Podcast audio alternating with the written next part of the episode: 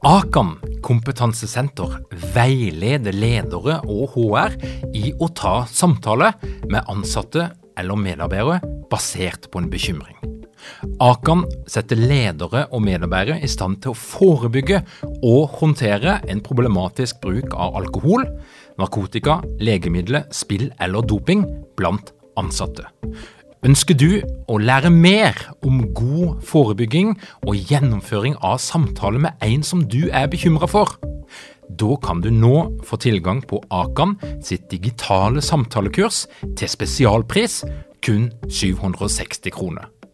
Målet med kurset er å gjøre deg tryggere i det som kan være en krevende, men viktig samtale å ta i lederrollen.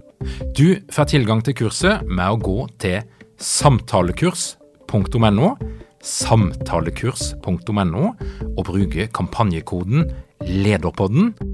Tilbudet gjelder ut april.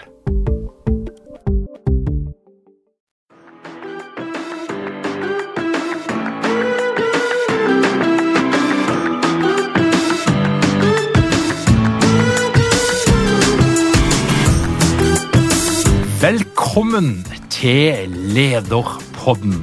Mitt navn er Tor Åge Eikerapen. Jeg jobber som organisasjonspsykolog, og dette her er en podkast om ledelse. Har du noen gang kjent på den der følelsen av å oppdage en metode eller ei bok der plutselig alt du gått rundt og tenkt på, faller på plass? For det var den opplevelsen som jeg hadde når jeg ble kjent med legen Bård Forsle Jensen og psykologen Trond Mjåland sitt arbeid med den mest krevende kommunikasjonen av alle, nemlig den som skjer mellom en ansatt i helsevesenet og en pasient. Og enda større ble denne gleden da jeg skjønte at denne metodikken den kan òg brukes av ledere som skal gi en krevende beskjed. Det kan handle om en advarsel, en oppsigelse eller et eller annet. Og Derfor så er jeg vanvittig glad for å kunne ønske velkommen de to forfatterne og praktikerne, Bård og Trond. Velkommen til Lederpodden. Tusen takk skal du ha. Moro å være her. Folkens, Vi må starte litt med, med, begynnelsen, for dette her arbeidet strekker seg langt tilbake. Dere har begge to forska på dette feltet, dere har skrevet doktorgrad, og så kom det altså til slutt ei bok for ikke så veldig lenge siden. Rett rundt pandemitida. Men, men fortell litt, hvordan starta dette her? Altså, Dere har jo brukt en ganske stor del av livet, faktisk, på nettopp dette feltet. Hvorfor? Ja, hvem skal begynne, Bård? Du eller jeg, Trond? Begynn, du. Ja, ja du, du, har rett. Vi har jo brukt eh, tid på dette her sånn. Og samtidig så eh, Det som eh, frustrerer meg nesten mest, er jo hvor lang tid jeg har holdt på uten å vite noe om dette her. For jeg får snakke for meg sjøl, da. Jeg jobba som barnelege i ganske mange år, jeg og tenkte at eh, er det, no, det, er mye jeg ikke kan helt, eh, men jeg har lært meg stadig mer ting. Håndtere unger som hadde alt fra forkjølelse til blodforgiftning. Sant? Ehm, så jeg holdt på ganske mange år og tenkte at eh, men er det noe jeg kan, så er det i hvert fall det å prate med folk. Ehm, for det har jeg gjort hele livet. Og jeg hadde noe kommunikasjonstrening på studiet, det har jo alle medisinske fakulteter nå. og jeg tror nok at jeg ikke gjorde det altfor lett for de lærerne, og jeg tror det også handler om at jeg ikke var så veldig moden og mottagelig for å, å få noe feedback på. Jeg ville veldig gjerne lære hjerte-lungeredning og sette venefloner, men det å skulle prate med folk, det dreiv de skulle ha oss til på studiet.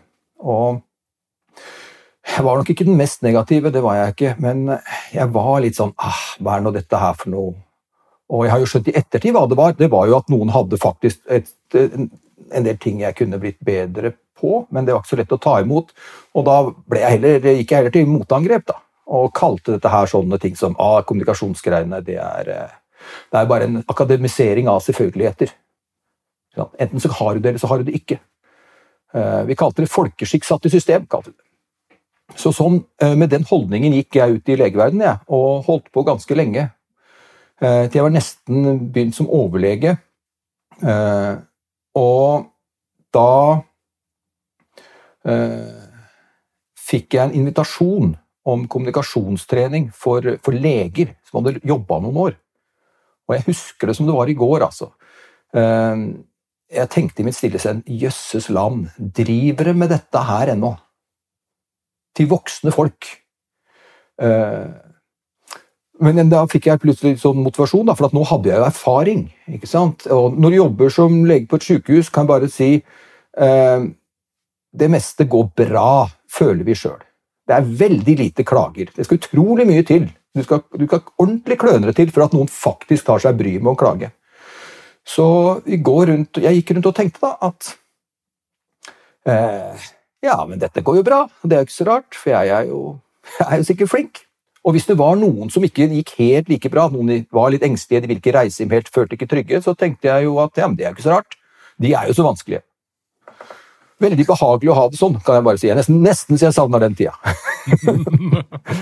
Eh, men så fikk jeg se dette her, eh, at det skulle være kurs i kommunikasjon. Og tenkte jeg at nå kan jeg vise dem litt eh, hvordan dette skal gjøres. Vi kan ikke ha alle dette empatigreiene og, og bare åpne spørsmål. Og, og. Så jeg gikk dit med den innstillingen.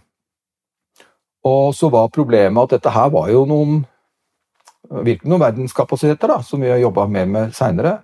Så problemet var jo at de hadde jo møtt sånne som meg før eh, med den innstillingen. Så de klarte altså, eh, og her hadde jeg liksom holdt på, da, å håndtere min sånn skepsis og sårbarhet og motstand, må ta det ned. Og så når jeg sier ja, mener du jeg liksom har gjort det feil, feil? Og, og, så kunne de si, da, se meg rett i øyet og si ja, det er vel det vi mener. og det var ok å høre. Og jeg var liksom sulten på ja, men hva skal jeg gjøre nå, da? Så viste de det, og viste forskningen bak. Og når jeg kom tilbake på jobb, nærmest neste dag, så vil jeg påstå at det var dobbelt så gøy. Mm. Dobbelt så gøy på jobben så ha noe system og verktøy opp for det som ikke hadde gått så bra tidligere. Og så vil jeg påstå at jeg blei ble dobbelt så bra barnelege òg, omtrent. altså. Så det var på en måte min inngangsport. Og siden eh, jeg hadde vært såpass negativ på det kurset da jeg starta, så ringte han professor Pål Gulbrandsen, som jo er virkelig han sammen med Arnstein Finseth, som har løftet dette fagfeltet til internasjonalt nivå i Norge. Han ringte meg da og sa at ehm, du var jo ganske negativ, sa han. Så, og Samtidig så virka det som du kom til noen erkjennelser, så hvis du er interessert, så skal vi gjøre noen forskningsprosjekt her. Og da begynte jeg på det. Eh, det jeg sa jeg må jo tenke meg om. Ja, hvor lang tid trenger du, sa han. Ja, et kvarter. Du bare hører med, med hjemme. Så begynte jeg å forske der, og det var jo der jeg da traff Trond, for vi ble sittende på kontor ved siden av hverandre. Ja, min vinkling eh, innpå det, det er litt annerledes for selvfølgelig. For eh, vi psykologer, for å spissformulere, så er jo samtalen det eneste vi har.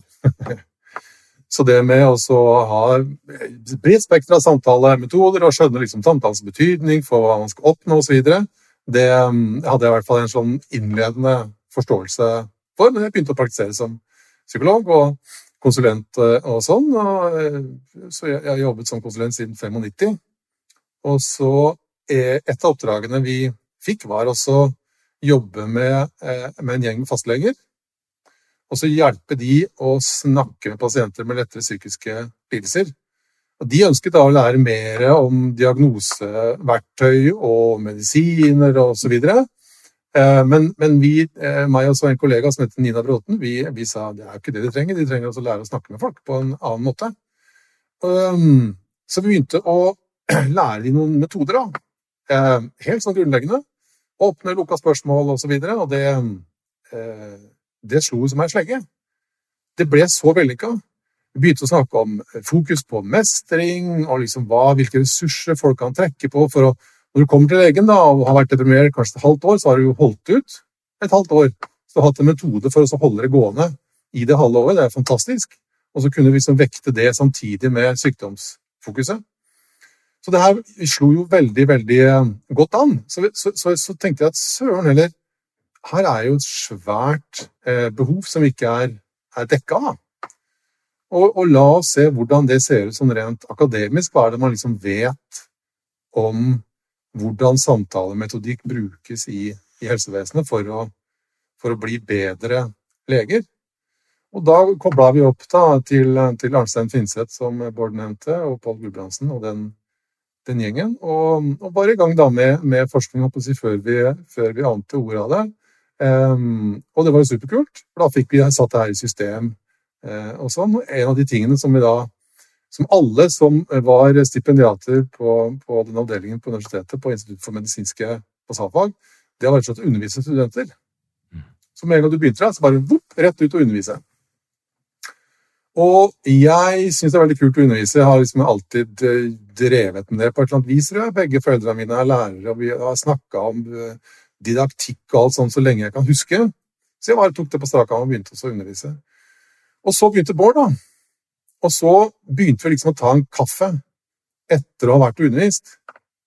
Og den kaffen, det ble to kopper, og det ble tre kopper, og det ble en ny kanne. Og liksom vi sånn grov oss ned i det her gleden over å eh, undervise. Og overføre ikke bare eh, kunnskaper, men ferdigheter. For det er noe annet, da. Forståelse kan du, liksom, da kan du gi folk, sende folk en SMS, da.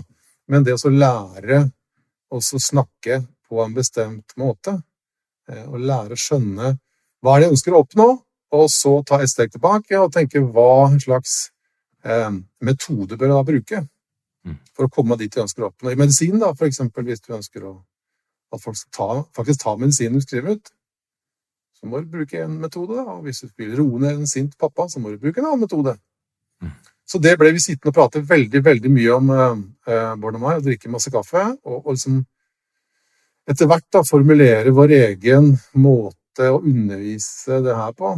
Um, som, som, vi praktiserte mer og mer og mer og mer. Um, og så var jo ironien det at vi tenkte at siden dette uh, Det er masse forskning på det. Liksom Stavern med empiri er ganske stor da, om hva, hva, man bør gjøre. Sånn tørr, faktabasert kunnskap. Um, og så tenkte jeg ja, ja, men det er sikkert noen der ute i verden som driver og, og underviser. da, Leverer det tilbake til klinikkene rundt omkring i helsevesenet. Det må jo finnes, det. Det er bare at uh, det var det ikke. det var ingen. Så med andre ord så var ikke helsevesenet oppdatert på de beste metodene. Så da, det ble liksom vårt kall, da siden ingen andre bygger den broa tilbake fra forskningen til klinikken. Det har foregått et slags eh, akademisk røveri, for å si det litt morsomt. da. Man har gått inn i en avdeling på sykehus, forska som gæren, trukket ut data, lært masse, og så ikke sagt det til noen. Så vi tenkte vi får pakke inn den kunnskapen i en, en god pedagogikk, og så begynne å lære opp helsevesenet igjen mm. på de metodene som da er oppdatert. Og så begynte det virkelig å rulle, Bård, sant? Ja, det var jo det det gjorde. Og for i all fairness da, så er det jo ikke sånn at vi har bare forska og forska og ikke sagt til noen, men det var en sløyfe som ikke var fullendt. Mm. Så forskning har blitt kanalisert ned til medisinstudentene. Eh, og så blir vi studentene, der var jo jeg også, så får lærer vi det. Men av en eller annen grunn så har ikke det liksom blitt en del av kulturen ut i klinikken igjen, da, som heter ut i sykehusene, og på fastlegekontorene, på nødmeldesentralen. Um, og, og, det syns jo vi var ganske merkelig. Uh, og helt til vi skjønte hva det er som har skjedd, og det er at det er god undervisning på universitetene om dette, her, og den er stadig, blitt stadig bedre. Uh, og studentene som går nå, er, uh, ja, de er mye bedre enn det jeg var, i hvert fall. Kommunikasjonsmessig. Men det vi ikke har tatt høyde for, var at når du kommer da ut i klinikken, i en kultur som ikke har, er, har dette like mye i, uh, inne i kulturen, så blir de fort ganske avlært. Fordi det har vært en delthet i medisinen hvor jeg tenkte at én ting er biomedisin, hvor fingernem du er, og den andre er du, hvor god du er til å møte mennesker. Og det liksom to, har vært to ting. Mens nå enhver oppdatert medisin vil si at dette her er en del av samme metode. Eh, og nå er forskningen der at du får ikke like gode resultater på blodtrykk eller røntgenbilden etter et brudd, hvis du ikke også kan møte folks bekymringer. Eh, så det vi så, da, er at eh, ja, Jeg hadde jo i mitt stille sinn en slags eh, tanke om at ja, men kan vi ikke bare utdanne fra bånn av? Trene opp medisinstudentene, og så lar vi oss som har liksom holdt på noen år, bare liksom sakte dø ut, da, på en måte. Men det, det, det funker ikke, fordi at du kommer ut, og du er jo Jeg var i hvert fall sårbar nok og vil jo være som alle andre, så når du prøver på noe litt sånn relasjonelt, da, når du møter noen, for eksempel, så vet vi da at det er viktig å spørre folk hva de tror plagene kan komme av. Uh, men det er ikke så lett, da, så, og vi er ikke så gode til det i helsevesenet. Så når, kom, når jeg kom ut som ung medisinstudent og spurte da, ja, hva, hva tror du dette kan være inni hofta di? Uh, og, jeg, og, en kollega da sier ja, du, jeg skjønner at du har vært på studiet, men nå er du ute i den virkelige verden. vet du. Uh, hvis det var hofta til, hvis det var tanta di som skal opereres, vil du at hun skal opereres av en som er god til å skjære, eller en som er god til å prate? Som om det er et valg du skal måtte ta. Det er jo, det er jo helt absurd. Eh, allikevel, men er du ikke veldig trygg da, eh, og det var jo ikke jeg heller, så stopper du med en gang med det vi vet vi egentlig burde gjort. Så da så vi at å ja, vi må bare fullende denne sirkelen, sånn at når bare de erfarne legene også bare får se hva det er som gjelder, og hva de unge prøver å få til, og skjønner meningen bak. For det er ingen som liker å bli bare fortalt ja, men skal bare gjøre det sånn. vet du. De må jo forstå meningen og payoff, og kanskje til og med litt av psykologien bak. Ja, så får du et helt annet klima, og da du, det blir det mye lettere å komme som ny også og gjøre de riktige tingene med backing fra de erfarne. Så det var da vi så at vi måtte sette der system for erfarne folk. da. Gi dette tilbake til sykehusene, til, til kollegaer som har jobba i 25 år. Uh, og, og da var vi i gang. Men det er jo ikke den letteste misjonsmarka dere valgte. Jeg mener både psykolog, lege, andre folk som, som har en viss status i, i helsevesenet. Det er, det er, jo en touch av noe arroganse der, og en, uh, det du beskriver, Bård. jeg tenker, du, du, var, du var vel ikke helt alene om den holdninga? Nei, jeg tror ikke det. Og, og det verste er at uh, jeg kjente meg på god vei sjøl, jeg. Jeg tenker, tenkte, jeg har jobba som barnelege i ganske mange år, og jeg merker at jeg begynner å få en sånn dragning, til, altså dragning mot en holdning til pasientene som var litt sånn Ja, men du, hvordan kan du være så engstelig for noe så ufarlig? Jeg sa til og med en gang du, til meg sjøl du, hva gjør dere i mitt akuttmottak? Jeg trodde plutselig at det handla om meg, da. Uh, og og pasientene begynte å gå litt over litt sånn sort-hvitt. på en måte. Det ble en slags strøm av folk som jeg Og så hadde dette handla om meg og min jobb. Så det var først når jeg forsto viktigheten av å skru på et slags sånn nysgjerrig modus, da. Det å være faktisk, er, Hvordan går det an å være så engstelig for noe så ufarlig? Hvordan er det du tenker? Og når, når folk begynner å fortelle om det, det er, det er sånn jeg tenker, da, da får du plutselig en Da kommer jo alt tilbake i farger. I 3D omtrent, ikke sant? Eh, men, men jeg, jeg, det var på en måte en del av en slags kultur som vi bare ble Jeg ble i hvert fall dratt litt sånn inn i det. Eh, og det, jeg har fortsatt ikke forstått helt hvordan det kan ha seg, for det er varme, gode folk som jobber her. Virkelig. Men men er, det er nok fordi at vi er oppdratt til at vi skal ha alle svar.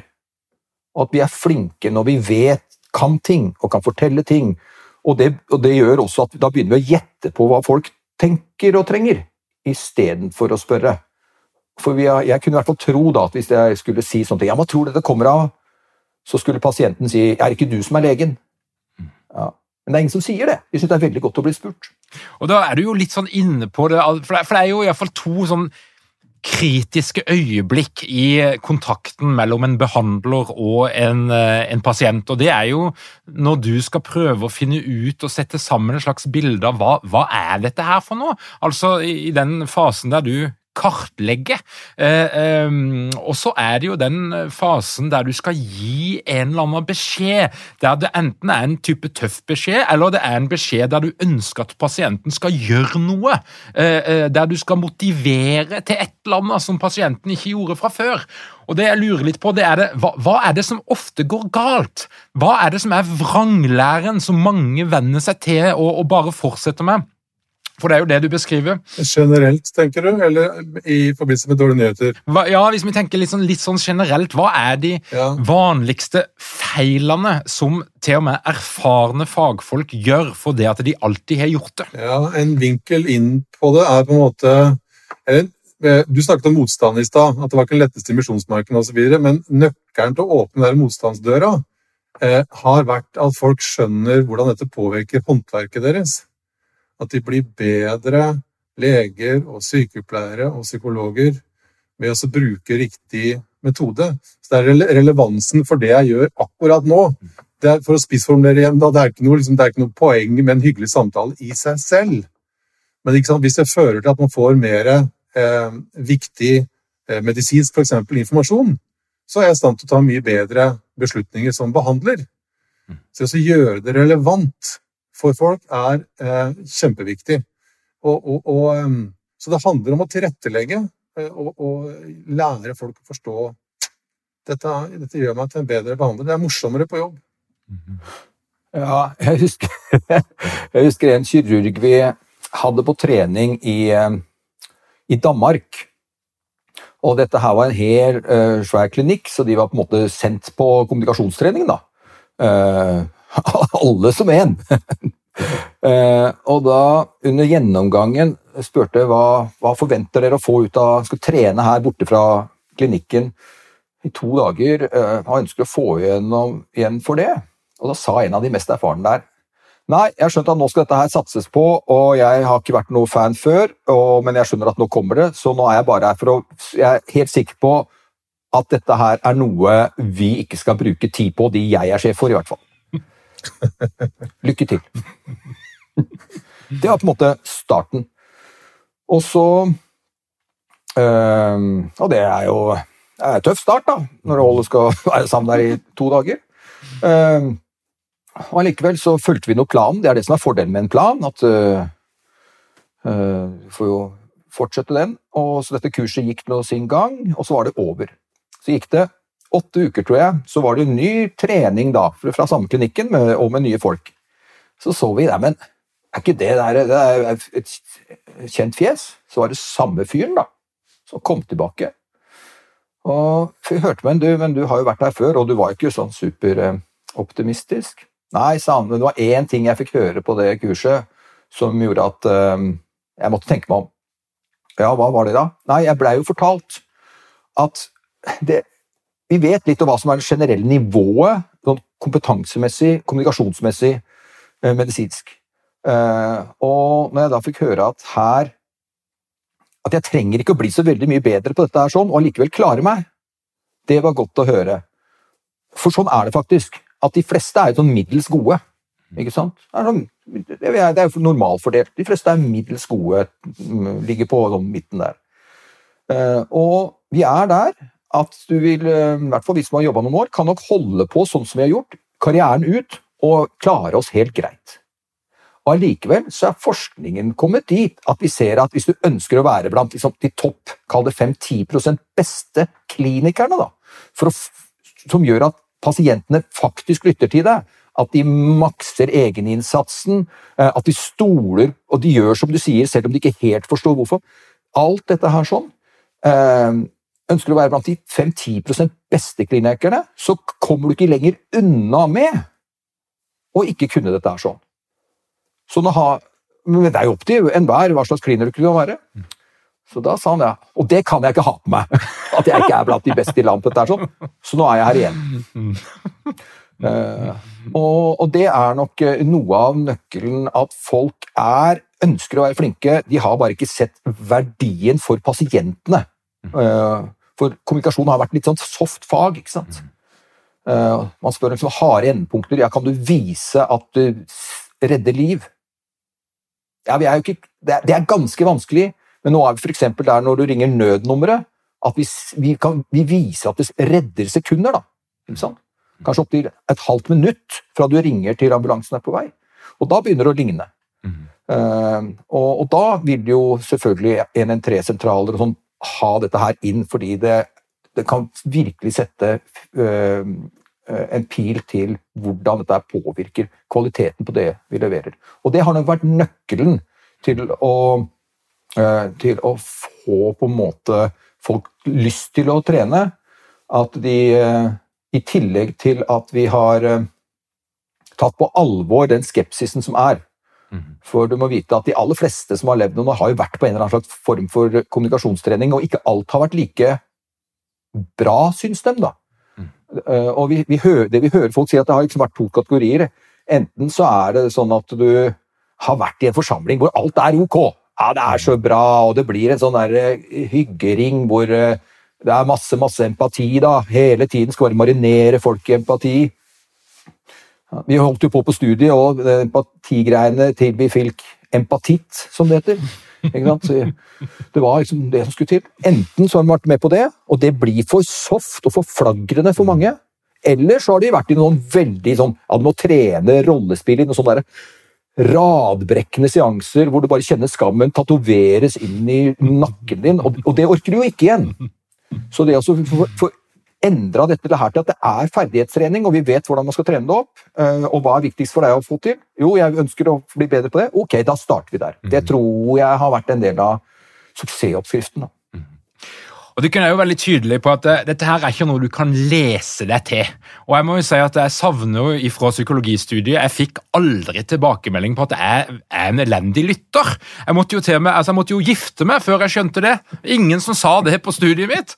Og, så, så min, min, min, opplevelse er jo at det til og med i et studie som en tenker skal være fokusert på samtale og kommunikasjon, så, så mangler en kanskje det mest sånn praktiske elementet trening, feedback, tydelige tilbakemeldinger.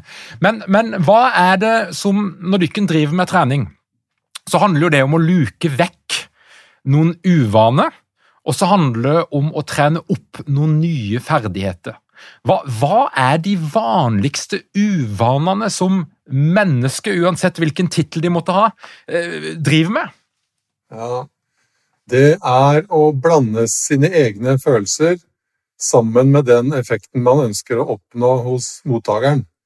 Så hvis jeg er redd da, for å bringe et uh, dårlig eller vanskelig budskap, så vil jeg liksom styre metoden etter det. Ved å bli utydelig, f.eks., eller utsette, eller noe i den retningen. Eller det at jeg tenker jeg, jeg, vet hva som er viktig for meg, og da tenker jeg at det samme er viktig for deg. Hvis man driver og anta. Assumption is the mother of all fuck-ups. Uh, og det er en kjempefeil, altså. Så åpne opp og lytte og være nysgjerrig er jo liksom mottiltaket, da. Hva er problemet med å pakke inn et budskap, legge på litt trøstende ord, det er kanskje ikke så farlig? Hva, hva er det som er galt med det?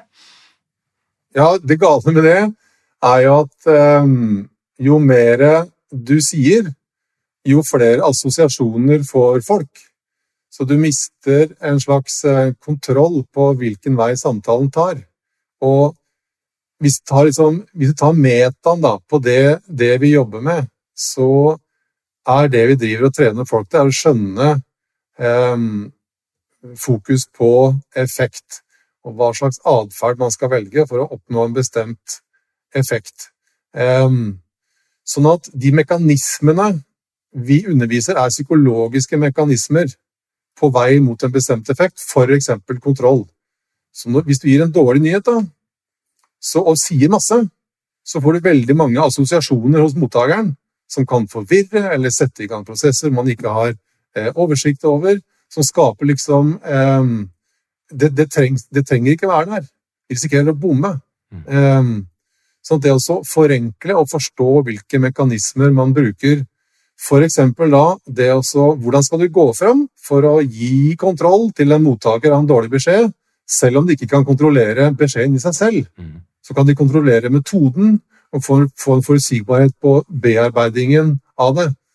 Så det er, det er liksom også å gå inn i detaljene på de psykologiske mekanismene man bruker på veien fra intensjon til effekt. Ja, og jeg tror det er helt inne til kjernen der sånn, for noe som Og var en slags aha-opplevelse for meg også, det, altså. Det er at øh, vi ser at folk blander hva som er klokt å si eller gjøre, med hva de ønsker å oppnå.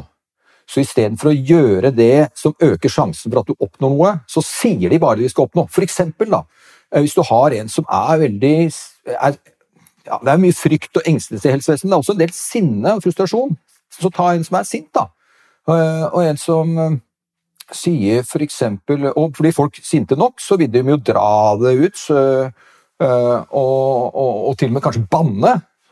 Ikke sant? Hvis du har en som er ordentlig sint og, og, sier, og skulle dra til å banne, da, sier 'hva faen er det som foregår her på avdelingen', mm. så er den største feilen jeg ser vi gjør, er at vi bare sier til den personen hva vi ønsker å oppnå med han. Mm. Du, kan du roe deg litt? bare liksom forteller dem det. Som jo virker mot sin hensikt, av flere grunner. For det første er det veldig provoserende at hvis du er i en følelse, at noen som bare står og analyserer den og sier deg hvilken følelse du burde hatt. Det er liksom én sånn strategisk feil. Da. Og den andre strategiske feilen er at vi vet at det å prøve handler om intensjon, som er det motsatte av å slappe av. Så at du gir en instruks som gjør det umulig å slappe av. Så det er, det er, det er dømt til å ikke lykkes.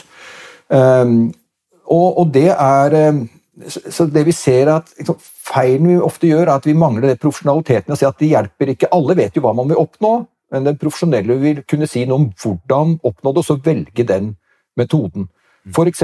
ved å si at nei, er noen veldig Bare det å vite det, uh, at hvis noen har en eller annen følelse, uh, i hvert fall en negativ en, Sinne, sorg, frustrasjon. Bare det å vite at fakta hjelper ikke da. Du kan ikke prøve Fakta hjelper mot følelser null av ti ganger.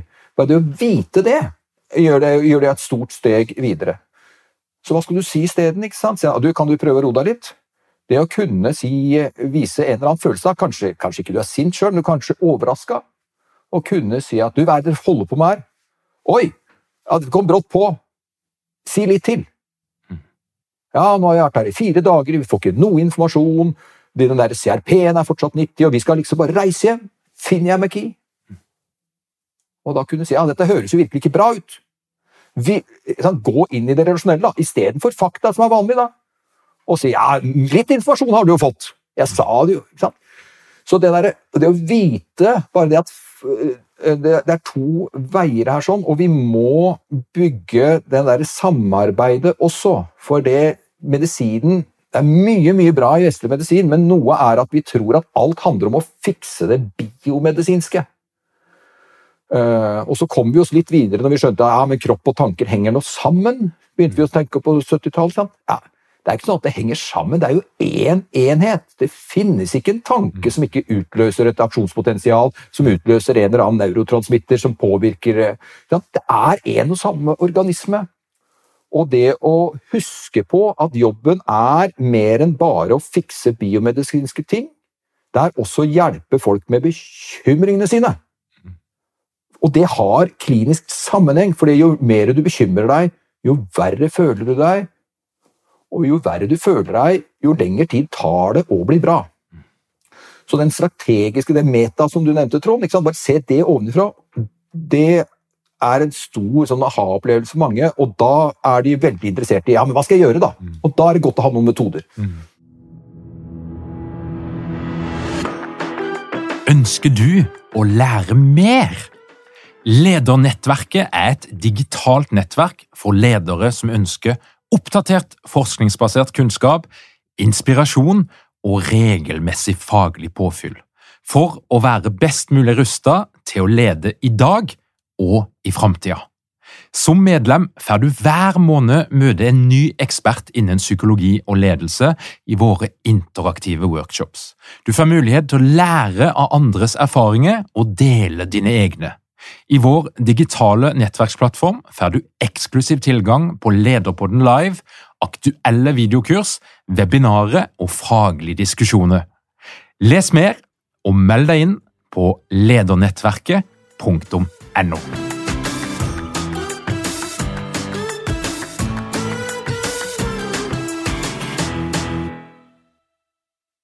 Ja, og sånn Rent kommunikativt så er det jo fint å huske på, og vi minner stadig folk på det, at menneskemøter består alltid av to skal vi si, dimensjoner da, samtidig. Vi driver og gjør et eller annet. Eh, vi sitter og prater sammen nå, og så samtidig, eh, helt parallelt, så driver vi og tenker og føler ting for hverandre. Eh, helt automatisk. Vi kan ikke skru det av. Det er sånn de er skrudd sammen.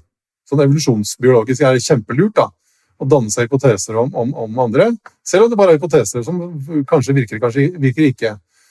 Men det også Er du ikke mange ledere uten trening eller utdannelse innen ledelse? Mangler dere en felles kultur og praksis for ledelse? Ønsker dere å være bedre rustet for fremtidig vekst og endring? Da kan et internt lederutviklingsprogram være en god investering. I Execu så er vi eksperter på å designe og gjennomføre bedriftsinterne lederutviklingsprogram.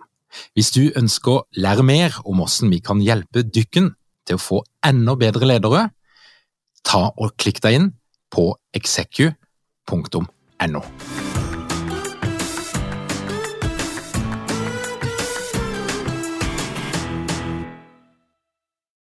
kunne tenke eh, la meg velge å si eller gjøre noe som bygger relasjon som styrker den relasjonelle aksen, som setter i gang at du tenker riktige og hensiktsmessige tanker om meg. Mm. Fordi at relasjoner virker som en slags sånn derre ja, Det er sånn generelt eh, smøremiddel i, eh, i helsevesenet og ledelse og overalt. Eh, så hvis jeg for eksempel eh, Eller hvis du da sier til meg, kommer til meg og så sier du jeg er bekymra for, eh, for kona mi, hun drikker for mye. Så hvis jeg da ønsker å være, velge liksom den derre eh, relasjonelle eh, aksen, og styrke relasjonen mellom deg og meg, og være ivaretakende sånn, så kan jeg f.eks. si eh, 'så bra du tenker på kona di'. Eller det er, det er bra du har omsorg for kona di'. Hvis jeg velger den saksorienterte, så kan jeg bare si 'hvor mye drikker du'? Og så forskjellen på sånne ting som det der, er eh, Ja, det kan man utforske i det uendelige, da. Det er, og det er jo en, en forskjell og det er, det er, Når jeg leser i boka deres, er det ikke et eksempel som jeg kjenner litt igjen. For jeg husker min avdøde bestemor, som da bodde på Eikerapen i Åseral. Hun var veldig bestemt på at det var noen leger som var svært gode leger. Dyktige leger. Og så var det noen leger som var totalt ubrukelige. Og det jeg ofte tenkte på, det var jo hvilken kompetanse hadde min bestemor, som ikke hadde noe som helst utdannelse, og som stort sett hadde levd hele livet sitt på Eikerapen. Hvilken kompetanse hadde hun til å vurdere legens kompetanse? Hva handler dette her om? Både og. Både og i gamle dager, for å si det sånn, og da mener jeg opp til sånn 60, kanskje begynnelsen av 70-tallet så var jo idealet at en lege skulle være helt uh, detached, som er begrepet, fra pasienten. Følelsesmessig detached. Og se på pasientene med samme emosjonelle distanse som du så på et kadaver på disseksjonssalen. Det, det, var idealet. Um, og da handler det jo selvfølgelig om fingernemhet og hvor god du er til å sy, og kjenne igjen symptommønstre og stille diagnose. Uh, og så vet vi jo nå da at Eh, det handler om å møte hele mennesket, som det heter, og det mener jeg virkelig. Eh, og hva er det pasienter er gode på? Ja, de, de, de er jo ikke gode på medisinsk-teknisk faglige, med mindre du har hatt den sykdommen lenge, så er det for mye å forvente. Eh, men derimot, men siden, men siden du skal møte både det biomedisinske og folks tanker og bekymringer, da, og det er en totalpakke, det folk er veldig gode på, er å kjenne igjen hva legen gjør og sier som påvirker hvordan du føler deg. Og det klarer alle, voksne som barn, gamle som unge. Og når hun har følt et eller annet, så er det ikke så lett å sette ord på det. Eh, og folk har nesten bare to-tre kanaler. da. Enten så de skiller folk eh, mellom gode og dårlige. Har jeg en dårlig følelse, så er han dårlig. Har en god følelse, så har jeg en god følelse, så er han god. Ehm, og, og, og, i tillegg, hvis du da har en dårlig følelse, så har du også bare to kanaler på hvordan, hvordan skal jeg få det jeg trenger. Uh, nemlig kjenne at jeg som barnelege har skjønt alvoret, f.eks. Og isteden Og der er jo folk der, der, der, kan du ikke forvente at noen skal kunne si at ah, 'nå føler jeg litt utrygg her, jeg tror du er litt litt lite interessert i mitt perspektiv som far, i hva som feiler sønnen min, og så får jeg litt lite empati eh, når jeg uttrykker mine bekymringer, og ikke noe anerkjennelse, fordi jeg har jo faktisk forsøkt med både Paracet og lufte han osv. Folk klarer ikke å si hva som mangler. Eh, de bare kjenner på ubehaget, og så for at for meg for legen til å skjønne hva som foregår, så, må, så har de egentlig bare to spaker da, å bruke. Og det er enten å bli mer emosjonelle, bli mer frustrert eller forbanna. Ikke sant? Og, ikke sant? Ja, men nå må du ta ikke sant? En, for, ikke sant? Det er fortvilelse eller forbannelse. Ja, men jeg aner jo ikke hva jeg skal gjøre. Det er den andre. Eller så må de øke på symptomene. Ja, men det er kjempevondt. Altså, ja, han, men han var mye verre i natt. Og vips, så, så, trekker vi liksom i to retninger, da. Eh, med pasienten må bare for å bli hørt og forstått, dra på symptomer eller emosjonstrykk. Eh, mens legen vil jo holde seg til faktabiten eh, og tenke ja, men det er ikke så farlig, og prøvene er fine, og prøve å roe følelsen med fakta. Og så kommer vi inn i en sånn uh, vond spiral der. Og da har analysen hennes, mm. i en moderne måte å se medisin på, vært helt riktig. Ja, han kunne han har sikkert A på skriftlig eksamen i biomedisin, men han hadde ikke fått med seg det at vi må hjelpe folk med bekymringene også. Og da er konklusjonen, da Jeg vil kanskje si at jeg var middels god, da. Men du fortjener jo å få en lege som kan begge ting. Mhm. Det, det gjorde hun òg, tenker jeg. Mhm. Du, eh, når var det dere skjønte at denne metodikken, denne måten å tenke på, òg hadde en verdi utenfor helsevesenet? Ja, Det har jeg jobbet med absolutt hele, hele veien, jeg som, eh, som konsulent. Det er Altså, det er mye ledelse i helsevesenet òg, bare for å ha sagt uh, det. Um, uh, men altså Det handler jo hele uh, tiden om hva det er med Hvordan skal du påvirke andre? Driver også og dytter på andre varsomt i en eller annen retning fordi du ønsker å, å oppnå noe. Og da handler det alltid om hva du sier og, og hva du gjør. Um, så jeg, jeg tenker at det er Konteksten er jo eh, forskjellig, men, men, virkemidlene er jo i veldig veldig stor grad akkurat det samme i helsevesen som andre, andre steder. Altså. Så ja. bare bytt kontekst og, og ha de samme metodene. Ja, så var det jo interessant, for vi har jo lenge hatt et ønske og ambisjon om å få satt dette her i et såpass system at vi kan skalere det også. Mm. Uh, og sette treningen i system, og etter hvert også automatisere det osv. Og, og, da, og i og med at vi har sittet i Forskningsparken og, og, strukturert dette her sånn, så må vi jo da forklare samarbeidspartnerne våre. Da, ikke sant? Banken vil jo gjerne vite hva er, det, hva er forretningsideen. Eh, advokatene må vite ja, hva er det dere holder på med. Eh, og For å forklare dem det, da, så måtte vi forklare ja, for eksempel så ønsker vi å lage en treningsmodul for å, hvordan gi dårlige nyheter. Ja, hva betyr det? Er ikke det Nei, for eksempel så vet vi at øh, det er en vanlig feil da, øh, i, i, helsevesenet, og mange steder Vi vet at det er en vanlig feil at du tenker at fakta det, det, er viktig å være ærlig, f.eks. Mm. ja, det, sånn, bare si det som det er. Mange Uh, men så ser vi at mange har glemt at ja, hvis du er ærlig uten å være kjærlig og varm i tillegg, så blir du bare brutal. Og det er kanskje ikke så bra hvis du ønsker at folk skal allikevel kanskje like deg som samarbeidspartner, for vi skal jo ha et løp sammen videre, selv om det ikke gikk som vi håpte nå. Og det har vi en metode for, da. Eh, vi vet at det er viktig å gi folk et varsel, sånn at de får stålsatt seg litt. Det er viktig å si ting som det er. La de få komme med sin reaksjon før du prøver å tenke hva de trenger. Eh, og så, og så, så at vi hjelper dem gjennom til en slags sånn nyorienteringsfase ganske kjapt. Eh, for du, du, du, vil gjerne ha et samarbeid videre også, selv om det er en dårlig nyhet. Og når da banken, eh, kontakten vår i banken sier da, å ja, ja dette, dette er jo litt sånn vi har òg, jeg gir jo en del dårlige nyheter jeg også. ikke sant? med folk som ikke får lånesøknad denne gangen. Ja, hva, hva, hva, tenker, hva, sier du og gjør du for å øke sjansen for at de likevel søker hos deg neste gang? Da, så du ah, Det hadde de ikke tenkt på, da. Og når, ikke sant? Når vi begynte å si sånn at dårlige nyheter må du gi personlig, sant? på telefon eller ansikt til ansikt. Gode nyheter kan du sende på SMS. Og når da sier advokaten ja, det er jo stikk motsatt av det jeg gjør, det. Ja, når jeg, ringer, har vunnet rettssaken, så ringer jeg og gratulerer. Når vi tapte, så kommer en mail da her er dommen, liksom.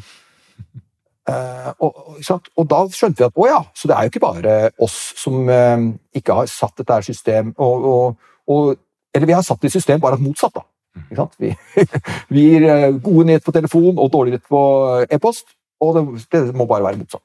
Men da må du vite hva du skal si. Sant? Og Hvis vi da til leder-medarbeider-relasjonen, siden vi nå er på lederpodden, hva er det som er den største forskjellen fra den konteksten der og en behandler-pasient-relasjon? Ja, det er et veldig godt spørsmål. Jeg er mer opptatt av likhetene, da. For det er, en, er et umake par, ikke sant? Det er, det er forskjeller. Mm. Um, så uh, likheten er helt uh, åpenbar, og hvordan man forvalter den forskjellen som leder, med hvilke metoder man velger, med å lytte og kartlegge og undersøke, f.eks., mm. det er jo superviktig, altså. Den eneste forskjellen jeg liksom kommer på sånn umiddelbart, det er uh, på motivasjonssiden og hvor lett det er å trene inn ting. For når vi f.eks. trener, da uh, Vi er opptatt av at uh, skal du trene, så må du jo trene på en måte, du må øve hele laget. Du må øve sammen, for det handler om eh, er du på en sykehusavdeling, da, så handler det om Det starter jo helt fra hvordan du svarer i telefonen hvis du er redd for sprøyter, da, eh, og sier det på telefonen, så handler det om hvordan den som svarer telefonen, svarer. Og Da blir du litt, litt, tryggere når han eller hun er god på det, til når du, du møter opp osv. Så, så vi må trene sammen. Eh, men det vi har sett er at Og da kommer jo lederne også med på treningene. For de må også vite ikke sant, dette her. Og veldig ofte så dukker det opp det at ja, men vi, det er jo ikke, jeg har ikke så mange pasienter, jeg vil gjerne trene litt på medarbeidssentraler, og det er ikke alltid like godt. Vi samarbeider like godt, ikke, vi har litt problemer med noen andre avdelinger. Så skulle vi trent på det også. Men det har nå, i hvert fall jeg syns jeg har merka meg at de gangene jeg har falt for fristen til å si ja, men da gjør vi det, da. Så blir det plutselig Da kommer liksom den kulturen inn i treningsrommet, og da er det en masse agendaer som ikke jeg har klart å ta høyde for. Så det blir litt sånn ja, nå skal jeg nå skal ha, uh, endelig få hevna meg på han i den treningssettingen. Uh, og bare for å uh, ta vekk hele det, så sier vi ja, ok, men skal vi ikke heller nå kan vi ikke trene på sånn, kliniske samtaler, så øver vi der. For da, vi, da, da kan vi legge all, mye av det der interne grumset vi har hatt med oss inn nå, bak oss. og så sier de jo ganske kjapt å ja, men det er jo sånn man bør det er jo det er akkurat samme måten å lede et møte med pasienter hvor du har kanskje tre-fire pårørende og en pasient. Eh, det er akkurat samme måten å lede den samtalen på som et personalmøte. Det er samme mekanismene i spill. Eh, det er alltid noen som har noen forskjellige menighet. Det er viktig at alle får sagt noe tidlig. Og så trekker de den konklusjonen sjøl at det handler om ledelse vel så mye som noe annet. Så jeg, og jeg hører jo her at det er, det er universelle prinsipper. Men hvis vi da tenker oss at det er en typisk leder som skal gi en krevende beskjed. Det kan være en permittering, det kan være en oppsigelse, det kan være en advarsel. Der det har skjedd en del saker og ting fra før. Det er en viss historikk her. Um, men, men hva Hvordan skal du gjøre dette her på en best mulig måte? Hva er hovedprinsippene i metoden? Hovedprinsippene i metoden er også inni huet, da. Først liksom eh, tenke gjennom hva er det vi ønsker å oppnå med den samtalen. Permittering, kanskje, da. Veldig vanskelig eh, beskjed å få. Jo, vi ønsker at eh, den som får beskjeden, skal skjønne hva de har fått beskjed om. Altså forstå hva permittering innebærer. Eh, og så ønsker vi at Eh, vi skal, starte, vi skal hjelpe dem å starte en kognitiv bearbeidelse av hva det betyr. Liksom, hva er tidsplanen fremover, f.eks.? Hvilke steg må jeg ta, og hva, hva får jeg hjelp til av HR, osv. Um, ehm, og det tredje er at vi starter en emosjonell prosess. Vi hjelper dem å få i gang det følelsesmessige registeret. eh, på den måten at de kan reagere akkurat sånn som de vil. Det er helt ok. Og det fjerde er også ganske viktig, og det, det, det er liksom mange Vi er veldig ambisiøse egentlig da, når vi går gjennom eh, disse tankene. Um, for det fjerde er jo at de som får beskjed, skal akseptere oss, kanskje, eller tenke at vi er en, det er fair, en fair type. Mhm. Um, eller kanskje til og med like oss for måten vi gjør det på, eller den varmen vi tross alt har å by på. Selv om budskapet er vondt, så kan vi være fine folk da, som, som er eh, målbærere av det. Mm. Og hvis, når vi da har liksom det klart, så er det mye lettere å isolere eh, og, og lage metoden for hvordan det skal gå fram, som, som handler om å isolere hva er den dårlige nyheten, så koker det helt ned. Så isolere det, slik at vi kan eh, eh, starte der, da. Og så, og så sa du, du sa noe om å varsle, altså det å gi folk en sjanse til å forberede seg litt. Og det syns jeg er kinkig greie for åssen. Åssen varsler du uten å gi hele budskapet i varslinga? Eller forberedelsen? Nå snakker vi altså ikke om varsling i en juridisk eh, forståelse her. Kan ikke vi prøve å ta et eksempel, da, Trond? For Jo. dette er jo en klassiker, det. Eh, Vi kan, vi kan ta først eh, liksom, Du spurte om metode. Ja, det er godt å ha en metode å gå fram på. Um, uh, vi, bare en anekdote. Vi jobbet med et sykehus der uh, det var så mye trøkk på uh, Særlig de som svarte på telefonen, på sekretærene, fordi det sykehuset var så bra drevet og hadde så gode resultater at de ble nedringt av folk som hadde valgt dem som sykehus. Eh, Og da var problemet at det var så lang venting at alle som ringte, var jobben til dem å fortelle at vi vet ikke når du kommer inn. Og dette er jo folk med stort hjerte, ikke sant? og det å sitte og skuffe folk systematisk hele dagen, det, det, det, det sugde jo kraft ut av dem. Eh, og da syntes det var veldig godt da, å, vite at ja, men dette har vi metode for, sånn at eh, når du bare følger den, så vet du at dette er så bra, dette kan gjøres. Og da kan du til og med tenke deg at selv om det var en vond beskjed å få, så kan du vite at det var godt det var du som ga den. Eh, Så vite at du har gjort en god jobb, selv om de syns det var tungt å høre. Og da handler det om, og en god metode handler om å gi folk muligheten å få opp garden litt. Få stålsatt deg litt, og da gir man det et varsel som er helt tydelig på at nå kommer det noe jeg helst skulle ønske jeg slapp. Og det finnes flere varsler. Én kan jo være bare så enkelt som Du, kan du bli med inn på kontoret mitt og lukke igjen døra? Så vil en del skjønne at nå kommer det noe jeg skulle ønske jeg slapp. Det jeg ofte sier, for å være helt sikker på at folk skjønner, jeg sier jeg er redd jeg har dårlige nyheter. Da følger du med. Mm. Og jeg sier ikke jeg er redd jeg har litt dårlige nyheter, eller eh, nå skal jeg fort, jeg- det er noe jeg ønsker å fortelle deg. Jeg sier jeg er redd jeg har dårlige nyheter, for da følger du med. Og det er trinn én. Men da har folk eh, stilt eh, beredskapen sin, eh, kommet med beredskapen sin. Så da er poenget at da må du gi dem nyheten ganske kjapt. Og helt usminka. Fordi som regel med dårlig, nå eksempel, kan vi bruke et eksempel som veldig dårlige nyheter, f.eks. permisjon eller oppsigelse. Men det er en vond følelse, og folk vil gjerne ha en annen følelse. Så hvis det er mulig å misforstå, så vil vi ubevisst misforstå. Eh, og i medisinen så vil vi da si for eksempel eh, bruk ordet kreft, hvis det er kreft vi mistenker. Så jeg er redd jeg har dårlige nyheter. Vi fant kreft i tarmen din. Boom. Og da vil jo folk umiddelbart se for seg hva betyr dette her sånn, og de vil tenke forskjellige ting. Noen vil tenke får jeg mye smerter, andre vil tenke hva skjer med jobben, noen vil si hva skal jeg si til ungene. Og det er en viktig del av bearbeidelsen, så da er jobben vår å bare ikke rote til det med å tro at du kan si noe lurt. For det finnes ikke noe lurt å si da. Da er liksom trinn tre det er bare å være stille. Sitt der og vent. Og så vil folk før eller siden si et eller annet, og det de sier da, er det de er opptatt av. Og kanskje kommer det en følelse av 'herregud, dette er helt grusomt'. ja, da er empati som på en måte er eh, det du har å by på, da. Ja, dette er grusomt. Ja, er du helt sikker? Da er det på en måte over et spørsmål.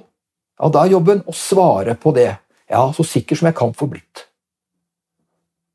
Ja, hva er neste steg nå, da? Jeg tenkte å foreslå en MR.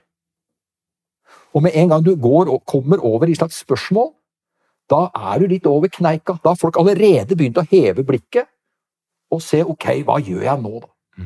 Så det er måte metodikken. Så hvis vi skulle gjort det med permisjonen, da, Trond Hvis du skulle, skulle ta det på sparket Hvis du skal permittere meg, så kan vi se, se om vi kan strukturere det. Ja. Skal du eller jeg gi beskjeden? Nei, ja, bare for å vise metoden, da. Siden uh, hvis det er permisjon, så er det ikke, har det ikke vært så veldig mange permisjoner akkurat i den delen av helsevesenet jeg jobber i uh, for tida. Så kan jeg prøve at det være sånn, og så setter vi det ut av kontekst, så kan jeg gi deg beskjed om at du som jobber i næringslivet, har en jobb der, skal få permisjonsvarsel. Ja, ta noe litt enklere. Ta at jeg må jobbe i, jobbe i påsken. Jobbe i påsken? Ja. Ja, ja. ja. Kjipe nyheter allikevel. Ok. Fordi på permisjon så, så, så gjør vi nesten juridiske greier. og sånn. Det er mye enklere ja, hvis jeg må sant? jobbe i påsken. ikke sant? Jeg kjøper billetter til Granca. og så må jeg like Ja, ja, whatever. Det er dårlig nyhet, ja. dårlig nyhet da. Så vil det vil det Og nå kjenner jeg Trond såpass da, at jeg vet at han hadde gleda seg til påsken. Det er ikke alle som gjør det, ikke sant? Det er ikke alle som gleder seg til familiepåske. Eh, jeg kjenner Trond, så jeg vet at det han gleda seg til. Og da vil det eh, foregå omtrent på den måten her. Eh, du, Trond. Jeg har dårlige nyheter. Ok. Du må jobbe i påsken. Nei, faen. Nei, det gjorde jeg i fjor. Ja, det er noe dritt, ass. Og du gjorde det. Uh, nei, det er, det er ræva planlegging, altså. Ja, det er noe helvete, hele greia. Um, nei, jeg vet ikke hva jeg skal si. Jeg har uh, lina opp uh, Familien kommer hjem, og, og vi har planlagt. Og jeg jobba i fjor. Mm. Ja, du gjorde det. Um, hva, hva, hva Fader, altså. Er det Så jeg kommer meg ikke unna det her. Nei, du kommer deg ikke unna, nei. Men hva er Hva er betingelsene da? Altså, hva er greia med overtid og alt det her styret? Det er jo Hvor mange helligdager er det? Fire? Ja, ja, det er bra du spør. Og betingelsen er at vi må holde det som er innafor loven, hva du får lov til å jobbe. For det er jo alle mann på dekk her. Og så de eh, røde dagene er det 100 overtidsbetalt. Mm. Ja, nei, altså Og det er jo fristende å forhandle, liksom. Jeg, da må du love meg til neste år, ikke sant? Men jeg skjønner jo det, da, at det er ikke Sånn virker det ikke. Nei, det er ikke helt sånn det virker. Eh, så hva, men hva er neste steg nå, da? Hva skal jeg gjøre for å uh, gå videre? Nei, neste, neste, steg er at uh, det er uh, to til som må inn og jobbe. Så jeg skal snakke med de, og så må vi ta et møte, sånn at vi kan få sett på den vaktplanen for å få det til å gå opp. Ja, på dagene, ja. Det håper jeg vi kan få gjort på tirsdag. Ja. Ok. Ja. ja, og da er jeg liksom over kneika, da. Jeg har begynt å mm. spørre litt og orientere meg om mulighetsrommet når jeg har skjønt at det er ikke noe Jeg skal jobbe i påsken. Sånn er det bare. Og det er kjipt. Ja, det er trist. Det syns du. Det syns jeg. Og, og, sånn er det. Ja, jeg vet ikke hvor godt eh, det ble. Ja, jeg syns det var veldig bra. For, Bård, det som er, det som er spennende, veldig godt spilt av, av, begge to. Nydelig innlevelse. Dette her ser det ut som du kunne gjort en gang eller to. Um, Bård, hva er det du ikke gjør nå som mange, eller de fleste utrente, ville ha gjort? Kan jeg svare på det? Ja, ta det du, Trond. Det er sandwichen! Det er sandwichen. Vi må knekke den der sandwich-myten. om at du først sier noe positivt, og så sier noe negativt, og så sier noe positivt. Eksempel, Trond, du har gjort en kjempejobb, fantastisk glede av prosjektet gjennom eh, nå, og så er det dessverre sånn at du må jobbe i påsken, da. Men så er fordelen riktignok at du får jo fullt, eh, full 100% overtid i de fire dagene. Så du kommer til å komme ut av det her ganske bra økonomisk. Hørte du ikke det, folkens? Kutt ut den sandwichen. Det er noe amerikansk piss som blir solgt i bøtte og spann på Amazon. Det, det funker ikke. Det er veldig, veldig bra. Det, hvis jeg tenker en leder nå, da. La oss si at det var en permittering. Så ville den lederen med alle gode intensjoner. Den lederen ville ha tenkt at hvis jeg skal gi et varsel om permittering på mandag, så må jeg varsle om at det kommer et eller annet senest fredag. Jeg må, si, altså jeg, må, jeg må kalle inn til en samtale i kalenderen. Må, vedkommende må jo få anledning til å organisere seg og tenke på dette her, og kanskje ta med en person. Altså Det er noen sånn type problemstillinger i arbeidslivet. Hvordan skal en løse dette her? Ja, kan jeg ta en sånn generell tommelfingerregel for alt som gjelder alle dårlige nyheter, og så eh, kan du eh, ta litt spesifikt om, eh, om permisjonen og det juridiske, sånn som du nevnte, Trond? Ja, ja. Ja, for det, det, du spurte om vanlige feil, da. og en vanlig feil er å tro at du kan gjøre en good news sandwich. Eh, Det er noe en av de store. Og, og så er det andre, og det er f.eks. at vi tenker at dette her må vi utsette litt. og Alle får forberedt seg, ikke minst meg selv. Uh, og så er det mange drivere for det. Uh, det er bare det at dette her er tommelfingerregelen. Dårlige nyheter kan ikke vente. Dårlige nyheter er noe som eies av den som skal få nyheten, og det er etisk veldig betenkelig hvis du tenker at eh, du vet å prioritere hvordan jeg skal nytte den tida ved å sitte på den nyheten. Så det er på en måte uh, hovedregelen. Uh, har du en dårlig nyhet, så må du gi den med en gang. Uh, så raskt som mulig, i hvert fall.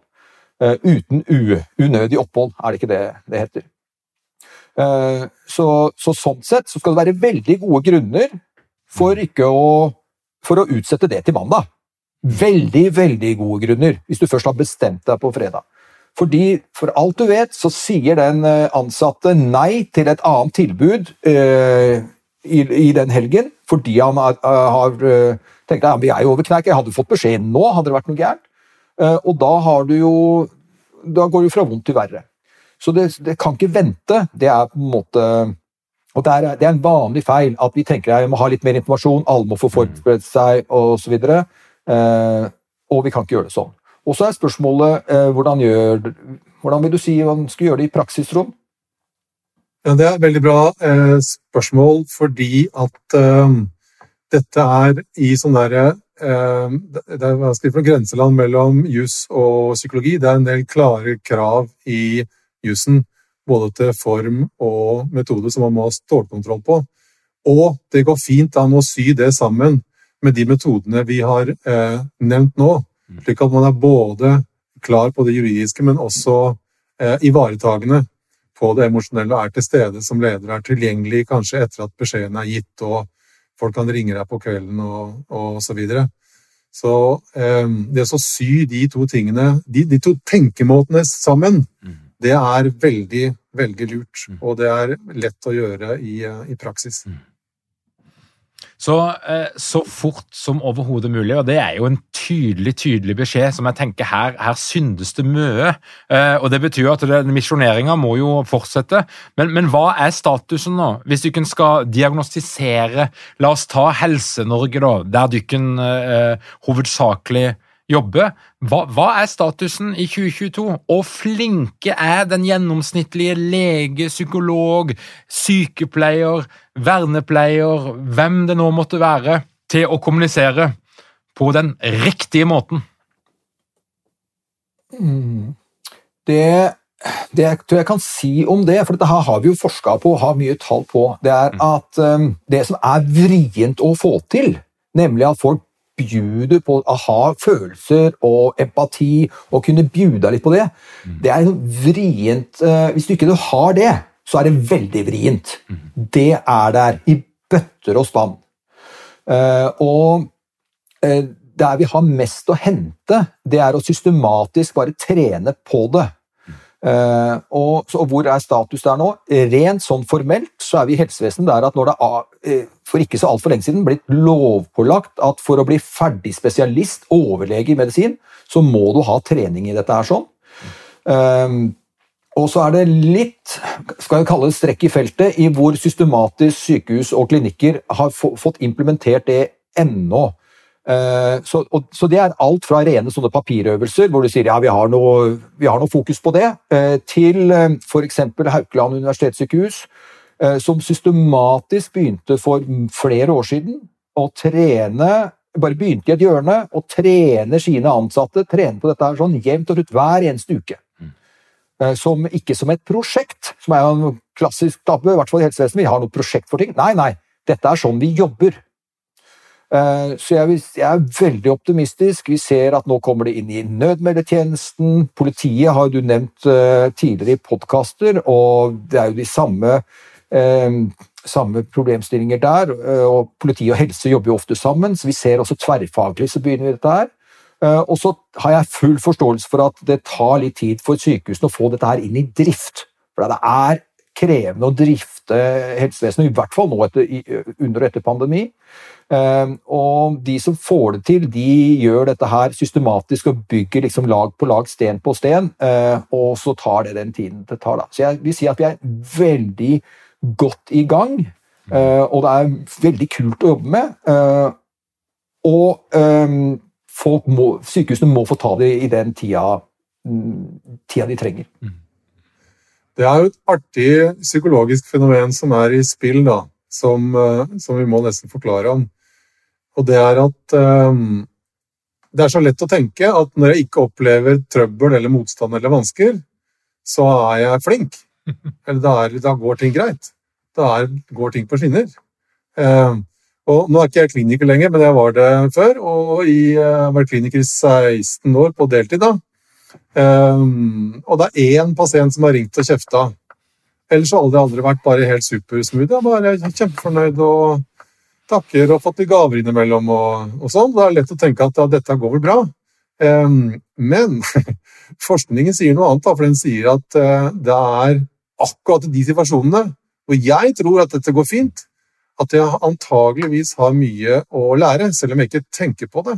For eksempel er jeg helt overbevist om at jeg, jeg kunne vært en mye mer eh, tålmodig eh, kliniker. Det er litt sånn der, eh, Da må vi gønne på litt. Og det metakommuniserer på et vis, da, det er ikke bra. Men det er jo ikke noe krise.